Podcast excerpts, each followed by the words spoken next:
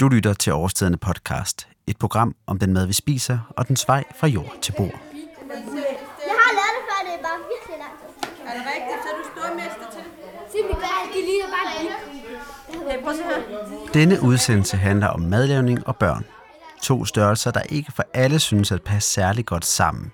Ikke desto mindre er der gennem århundreder blevet udgivet kogebøger, som på hver deres måde har forsøgt at introducere madlavning for børnene. Til at begynde med handlede det mest af alt om at få oplært pigerne til at blive gode husmødre. I dag har kvinderne heldigvis fået muligheden for selv at vælge, hvordan de vil leve deres voksenliv, hvilket også har sat sit præg i børnekogeboglitteraturen, som i dag også henvender sig til drengene.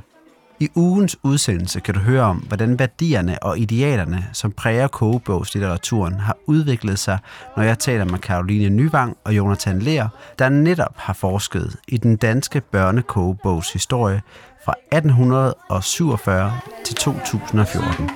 Skal vi så skære sådan der? Jeg tror, du skulle skære den på langs først. Jamen, jeg skal. Ja, det er så fint. Vi begynder dog med at tale om kogebogen Mit Kokkeri, et kogebogsunivers til børn, der er lavet i et samarbejde mellem Komiteen for Sundhedsoplysning, Aarhus Universitet og Haver til Maver med støtte fra Nordea-fonden. Mit Kokkeri er en lidt utraditionel kogebog, da den er ganske gratis.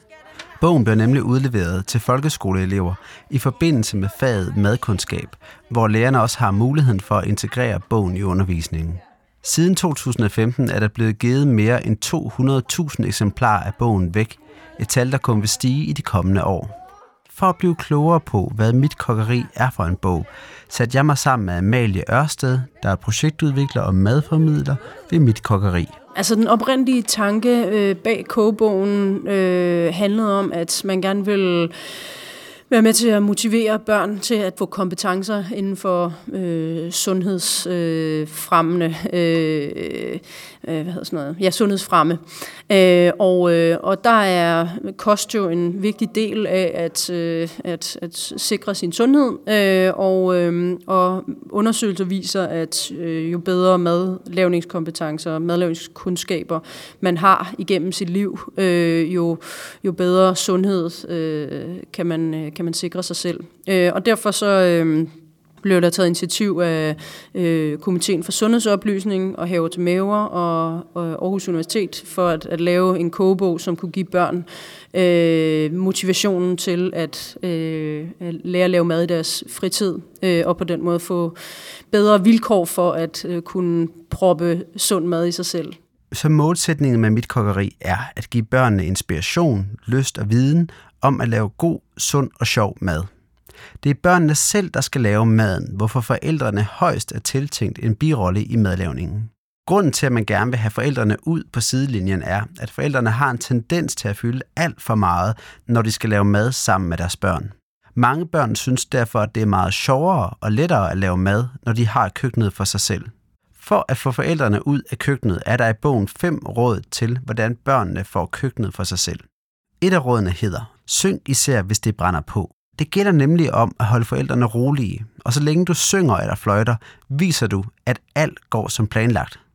Så skulle der ske en ulykke, så husk at synge. Noget af det, man så også ret hurtigt finder ud af, det er, jeg tror, det er faktisk kun side 9, man skal bladre frem til, øh, og det bliver også nævnt i indledningen til bogen, at man skal få forældrene ud af køkkenet. Og jeg tænker umiddelbart, at det er en god idé at have nogle forældre med i køkkenet til at sørge for, at der er orden, der er struktur, der bliver øh, der er ikke nogen, der skærer sig, og når det bliver farligt, øh, og som også skal rådgive om, øh, hvor mange blus man nu har fået tændt. Øh, hvorfor er det så vigtigt at få forældrene ud af køkkenet?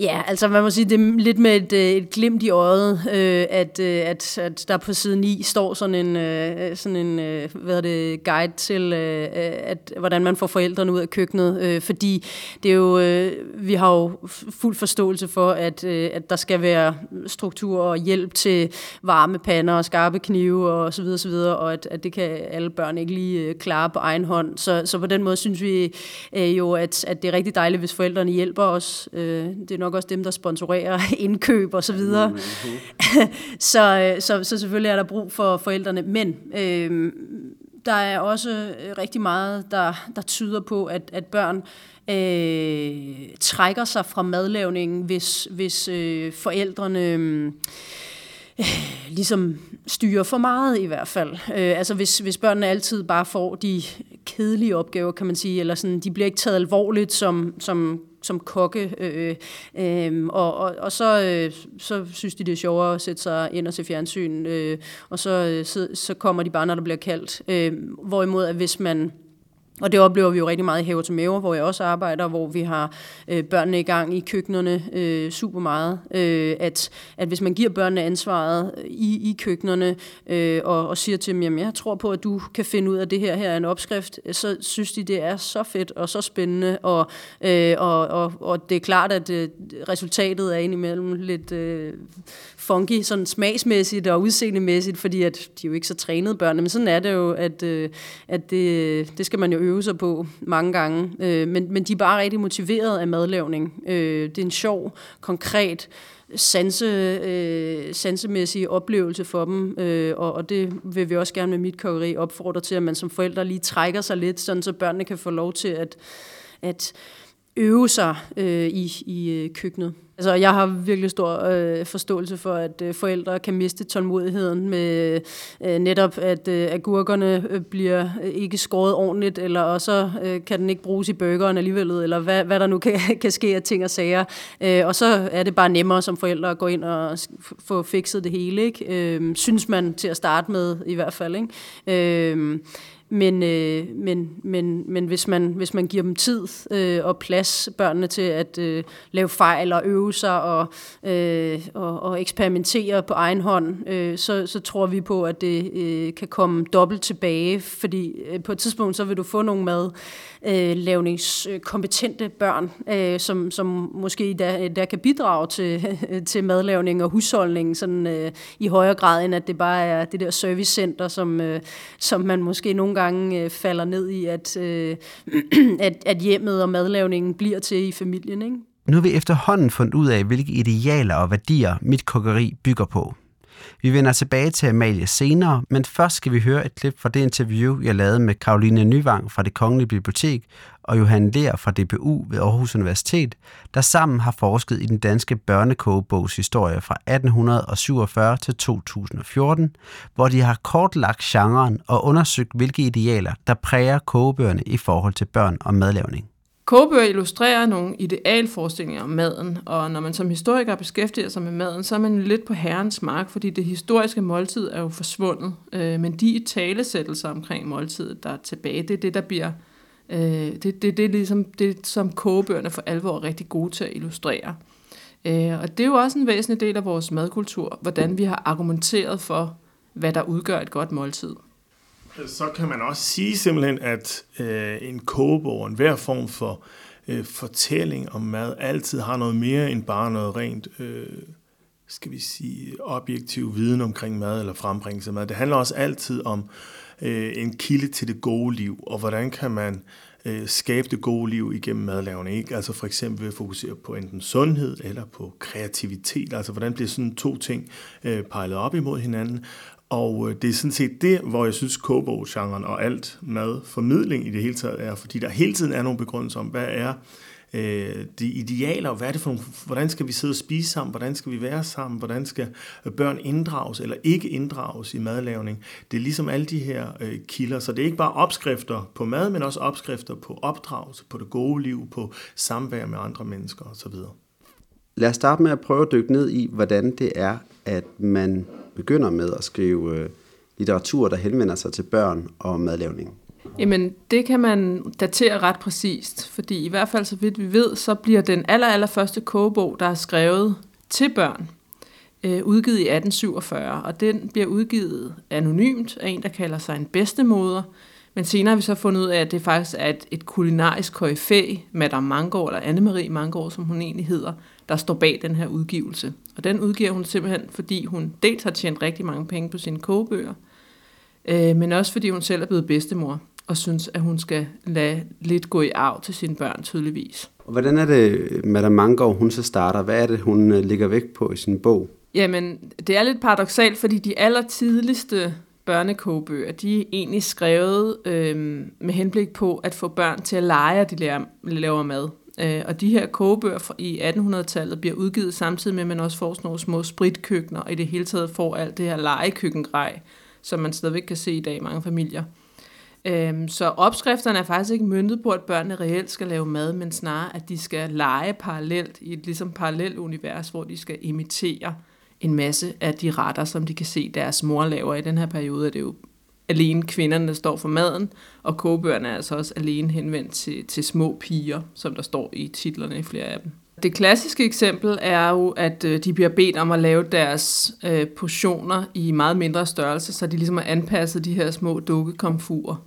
Øhm, desuden så kan vi også se i opskrifterne, at, at det ikke er reelle retter. For eksempel i kogebog for småpiger fra 1855 har de en opskrift, hvor man skal gå ud og, med, og skyde en spurv, som man så skal få køkkenpigen til at plukke, og så kan man så tilberede den på sit lille dukkekomfur. Øh, og det har nok ikke været, fordi man har spist den, men det har været, fordi det ligesom skulle være parallelt til en kylling eller en kalkun, som moren måske har lavet i køkkenet. Og sådan starter det altså. Og hvordan fortsætter det så fremadrettet? Øh, hvor længe kan, bliver man ved med at lade pigerne skyde spurve ude i øh, baghaven, til at man begynder at give dem nogle nye, øh, nogle nye ting at tage sig til i deres køkkener? Man kan sige, at øh, de her kogebøger, der egentlig er til legekøkkenet, de øh, dominerer kogebogsgenren, i hvert fald for børn, helt ind til starten af det 20. århundrede. Omkring 1910'erne, der begynder øh, mange af de husholdningsskoler, vi får i Danmark i samme periode, de begynder også at, at producere nogle kogebøger. Og der kan vi altså for første gang se, at det er bøger, der for alvor inviterer børnene med i køkkenet, og børnene får også lov til at lave regulære madretter.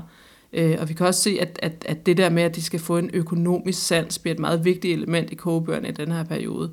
Børnene skal simpelthen være med til at lave mad for at få en fornemmelse af, hvordan det er at holde hus. Nu begynder du allerede at komme ind på nogle af de idealer, som der er. Altså her skulle de allerede fra de første til, til, til dem, vi snakker om nu, har det været meget piger, der skal opdrages til en dag at kunne blive husmødre, mm. øh, og dermed også holde, servicere resten af deres familie, børn og, og mand i hjemmet. At de, at, hvor længe bliver det ideal ved med at være der? Jamen, det er sådan meget klassisk, fordi man kan sige, det er omkring øh, slutningen af 1950'erne og 1960'erne, vi første gang ser, at drenge også begynder at lave mad i de her kogebøger for børn. Øh, og først så ser vi det sådan, at det foregår parallelt med pigerne, men efterhånden kan vi også se i bøgernes indledninger, at de faktisk forfatterne skriver, hvad er der egentlig galt med, at drengene har en maddag, eller hvorfor er det egentlig altid pigerne, der skal lave mad? Og der er jo masser af berømte mandlige kokke. Der er ikke noget pinligt ved som dreng at gå i køkkenet sammen med sin far, for eksempel. Til at begynde med var køkkenet forbeholdt kvinderne, men op gennem 60'erne og 70'erne bliver det mere almindeligt, at man også inviterer drengene ind i køkkenet lad os prøve at høre lidt mere om, hvad det er for nogle tiltag, man gør for at gøre det acceptabelt, at drengene også kommer ind i køkkenet.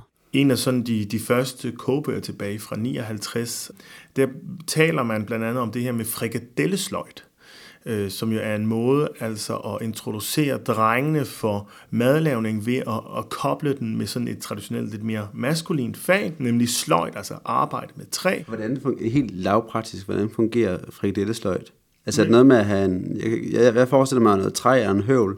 Ja, men det, står... er, det er mere sådan at tage, skal vi sige, det er mere metaforisk, det skal forstås. Det vil bare altså på en eller anden måde betone det håndværksmæssige, der er i, øh, i, i madlavning. Det er ikke kun, skal vi sige, sådan et, et omsorgs... Øh, opgave eller et husligt øh, opgave, som dermed vil være mere øh, passende i datidens idealer for kvinder. Øh, det er også noget, der simpelthen kræver noget håndværk, og øh, en af de andre ting, som du også nævnte tidligere netop med, at, at det så også i talestættes på andre måder, er også, hvis man begynder at bruge ordet kogekunst og tale om de her store mandlige kokke og så videre. Ikke? Så man sådan betoner nogle det her professionalismen, håndværket og så videre i øh, madlavning, som dermed gør det mere og mere øh, legitimt for drenge at, at, at komme ind over. Og så sker der også det i forhold til øh, genren, at der ligesom øh, sker et paradigmeskifte, hvor øh, børnene på en eller anden måde, deres tilgang til madlavning bliver en måde at udvikle familielivet på.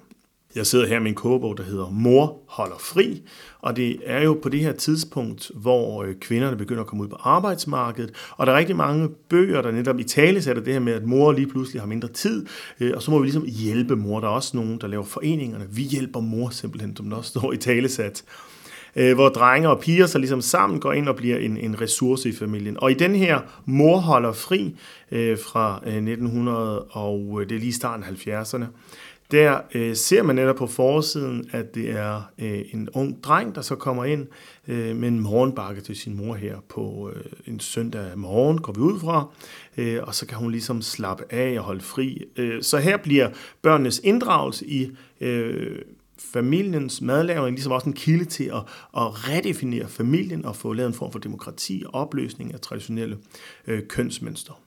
Der er også en anden ting, jeg synes, der er lidt interessant at lægge mærke til i de her kogebøger, især øh, i 60'erne og 70'erne. Nu havde vi jo for noget tid siden en fødevareminister, der havde held med at få nedsat en måltidstænketank.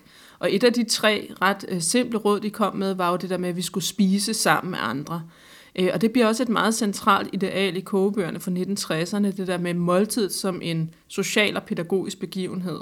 Altså som et knudepunkt for familien i virkeligheden i en tid, hvor øh, at både far og mor kommer på arbejdsmarkedet, og hvor det tidspunkt, man for alvor mødes, alle fire i den klassiske kernefamilie, det er til aftensmåltidet. Og vi kan også se en parallel i den samtidige arkitektoniske udvikling. Altså samtidig med, at vi får samtalekøkkenet og skal være fælles om at lave maden, så får vi også køkkenalrummet, hvor vi kan sætte os direkte fra madlavningen sammen om det store runde spisebord, i stedet for køkkenet er sådan en separat tange i huset. Øhm, og hele den her idé om, at, at måltidet er den begivenhed, hvor vi vender dagens aktiviteter. Øhm, det er også meget tydeligt, at det allerede i 60'erne bliver et ideal, og det vil mange nok kunne genkende til, at det stadigvæk i dag er noget af det, vi finder mest centralt ved det at lave mad sammen, simpelthen. Det er også at kunne sætte sig ved måltidet sammen. Øh, så det handler langt mere end bare at, at blive mæt og få øh, den rette næring. Det er simpelthen også en, en, en social begivenhed, måltidet. Altså det viser, at der er nogle nye øh, familiemønstre, opbrud i gamle øh, traditionelle familiemønstre, og så bliver det ligesom problematiseret og betonet netop, at måltidet, det skal vi altså huske, ikke? Mm. Og det er netop fordi, det måske er troet, ikke? Så det er tit mange af de ting, som på en eller anden måde bliver troet i genren, øh, som man ligesom, øh, som så ligesom hele tiden fremhæves. Og det betyder jo ikke, at folk så lige pludselig spiser sammen, hvor de ikke spiser sammen før, men tværtimod, at de måske nu er det lige pludselig noget, der er i fare, ikke? og det er ligesom det eneste tidspunkt, som du også siger, hvor familien mm. øh, kan mødes i løbet af en dag, fordi vi har to øh, travle forældre lige pludselig. Kogebøgerne afspejler altså ikke kun vores idealer i forhold til, hvilken plads børnene har i køkkenet, men i tale sætter også vores mere generelle værdier for, hvordan man lever et familieliv. For eksempel, at måltidet er noget, vi bør spise sammen, frem for hver for sig. En ny tendens, som særligt bryder frem i 80'erne, er, at kogebøgerne i højere grad henvender sig direkte til børnene frem for deres forældre. Der sker også en væsentlig forandring i det, at, at kogebøgerne helt indtil omkring 1980'erne primært faktisk har været skrevet til de voksne, der skal anspore børnene til at gå i køkkenet og lave mad. Øh, og i 1980'erne, der kan man se, at der begynder bøgerne at henvende sig direkte til børnene, og der kommer det til at handle om at gøre madlavning cool. Altså mm. det der med at på forskellige måder og ved forskellige visuelle strategier at få det til at se fedt ud at gå i køkkenet, enten ved at det er brunt og hardcore bålmad, eller ved at det er lyserødt og cupcakes til piger. Så man skriver meget direkte til børnene og prøver ligesom, forældrene er jo stadigvæk inde over et eller andet sted, men man prøver at appellere direkte til børnene og skrive bøger, som børn selv kan tage med i hånden og gå i køkkenet med. Men vi ser ligesom en ny forståelse også af hele den her tween-tanke, altså at den her med, at, at de unge øh, børn på en eller anden måde, altså en form for små voksne, der i meget høj grad øh, kopierer nogle øh, voksenpraksiser, men måske ikke så meget husmorrolle, men mere sådan den der øh, veninde, den voksne kvinde i 20'erne og 30'erne, de forskellige praksiser, der er der omkring. Og samtidig så ser vi så, at drengene typisk kommer ind i nogle lidt andre øh, rum, nogle andre universer, så den idé, der ligesom var med, at, at husgærning øh, som blev til hjemmekundskab, skulle være sådan et samlingspunkt for drenge og piger i madlavning, er i kobo-genren ikke sådan helt forfyldt, kan vi sige nu om dagen. Og der synes måske næsten at være en tendens til, at det bliver sådan mere og mere lyserødt øh, og pinkagtigt, det der øh, pigeunivers, og drengenes øh, bliver lidt mere øh, altså opdelt. Så det er ikke sådan en, en bevægelse, der er der stille og roligt går imod mere og mere sådan øh, ensartethed eller ligestilling i kogebog-genren, men tværtimod måske, at man faktisk ser, at polerne rykker længere og længere fra hinanden. Helt klart, altså når man sidder med nogle af de der kogebøger, især efter år 2000, så er det jo helt karikeret. Altså man får nærmest fornemmelsen af, at det er noget, der kunne have været udgivet til voksne mennesker i 50'erne. Ikke? Altså de køn, tror jeg, man kan se. Jonathan har en, øh, en øh, kogebog for piger med lækre, nemme opskrifter, som simpelthen er overstrøget med lyserøde blomster og glimmer, og der er cupcakes på forsiden. Um, så, så jeg giver Jonathan ret i, at det, man bliver overrasket over, hvor polariseret det i virkeligheden er. Øh, og det er meget tydeligt, at det køkken, der bliver fremstillet i, øh, i de her børnekogebøger fra det nye årtusind, de er altså langt fra et kønsneutralt rum.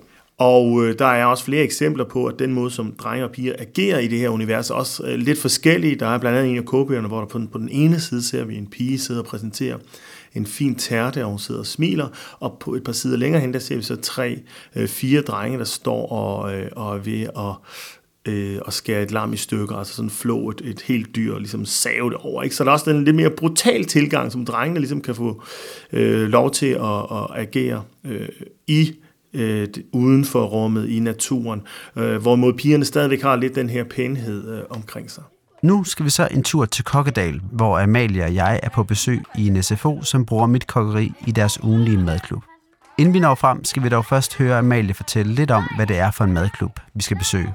Kokkedal, øh, eller SFO'en ved Kokkedal skole, har så valgt at bruge det øh, en gang om ugen. Øh, Mit Kogerimadklub kalder de det øh, til deres øh, eftermiddagsmad, som de under alle omstændigheder lavede, men som har haft øh, lidt udfordringer, måske ikke øh, tidligere har været så spændende mad. Øh, nu har de fået det her øh, koncept og noget inspiration, øh, nogle fede forklæder, tatoveringer, bøger selvfølgelig, øh, og, øh, og så har de øh, kastet sig over, at øh, hver mandag i øh, halvanden times tid cirka, så må, kan børn bare komme øh, og være med til, til den madlavning, der foregår i, øh, i, i SFO'ens køkken. Øh, på samme måde som, at de jo har, at øh, om tirsdagen, så kan man spille computer, og om onsdagen kan man spille badminton og, og sådan noget. Så der indgår mad som en, som en af ugens aktiviteter. Ikke? Kokkedal er et eksempel på, hvordan mit kokkeri har snedet sig ind i institutioner og madkundskabsundervisningen på skolerne, hvor den er blevet et hjælpemiddel, som pædagoger og lærere kan bruge, når de skal søge inspiration og planlægge, hvad børnene skal lave. At bogen bliver brugt i madkundskabsundervisningen viser, at det grundige arbejde, der har været med at udvælge retterne til bogen, har givet pote. Retterne i bogen er nemlig nøje udvalgt efter, hvad børnene selv har lyst til at lave. Og herefter er der så en række kokke, der har udviklet nogle opskrifter, som er sunde, sjove og overkommelige at tilberede. Vi skal, jeg skal have peber, peberfrygt. Hun skal have agurk. Og hvad skal de bruges til? Du skal bruge til øhm, det der... Du skal grønne stjerne i maden. Ja. Du skal bruge til at lave det her mad, der hedder tabaul. Ja, det er også svært ord. Tabuli, var ikke det? Jo, tabule. Hvorfor er I med i øh, madklubben? Fordi vi godt kan lide det. Det er rigtig sjovt. Lære mange ting. Ja, man lærer at lave mad. Lærer man at lave mad? Ja, øh, vi har lavet øh, kyllinger nuggets. Ja, og så har vi... Vil du have Så hvad skal du? Vil du også Suppe. Så, suppe. Jeg vil hellere have det der... Da jeg havde madkundskab i skolen, lavede vi ofte bare boller eller pizzasnegle, som vi derefter solgte i skoleboden. Og det var ligesom, hvad kreativiteten rakte til. Det billede tror jeg nu, at der er ret mange, der kan ikke genkende til, hvilket sandsynligvis skyldes, at mange af de lærere, som underviser i madkundskab, ikke nødvendigvis er udlært i at undervise i madlavning. Og måske derfor har lærerne taget mit kokkeri til sig. Men i stedet for at jeg forklarer, hvorfor bogen har spredt sig til skoler og institutioner, skal vi måske spørge Camilla Lindhardt, der er leder i børnehusene Kokkedals Økologiske Fælleskøkken, hvor hun har taget initiativ til at lave en madklub, som tager udgangspunkt i mit kokkeri. Der er utrolig meget læring i, i alt med mad. Øhm, der er, altså for de mindste er der motorik, der er der også for de større, men en masse læring i det på forskellige måder. Og sprog. Hvis man skal tage det helt lavpraktisk, hvordan har I så organiseret det? Karina, som er pædagog, plejer at, at være heroppe og lave det, altså i praksis med børnene. Øhm, og så laver jeg en plan for Karina, kan man sige, bare ud fra mit kokkeri, kogebogen, og for, sørger for, at varerne kommer herop, så hun kan udføre det i praksis. Så, så deler vi arbejdsopgaverne. En ting er at være pædagog og have lært en masse ja, pædagogiske kompetencer omkring, øh, hvordan man skal agere over for børn. Øh, en anden ting er at stå og lave mad med dem. Altså jeg tænker, det er ikke en selvfølge, at en pædagog har lyst til at stå og lave mad med en masse, med en masse unger, som kan skære sig, og det kan være, at pædagogen i virkeligheden ikke selv øh, er vant til at gå i køkkenet derhjemme. Så hvordan, hvordan får man en pædagog til at give det her? Egentlig tror jeg, at Karina er et meget godt eksempel. Jeg tror, hun er 25. Nu ved jeg ikke helt, men cirka.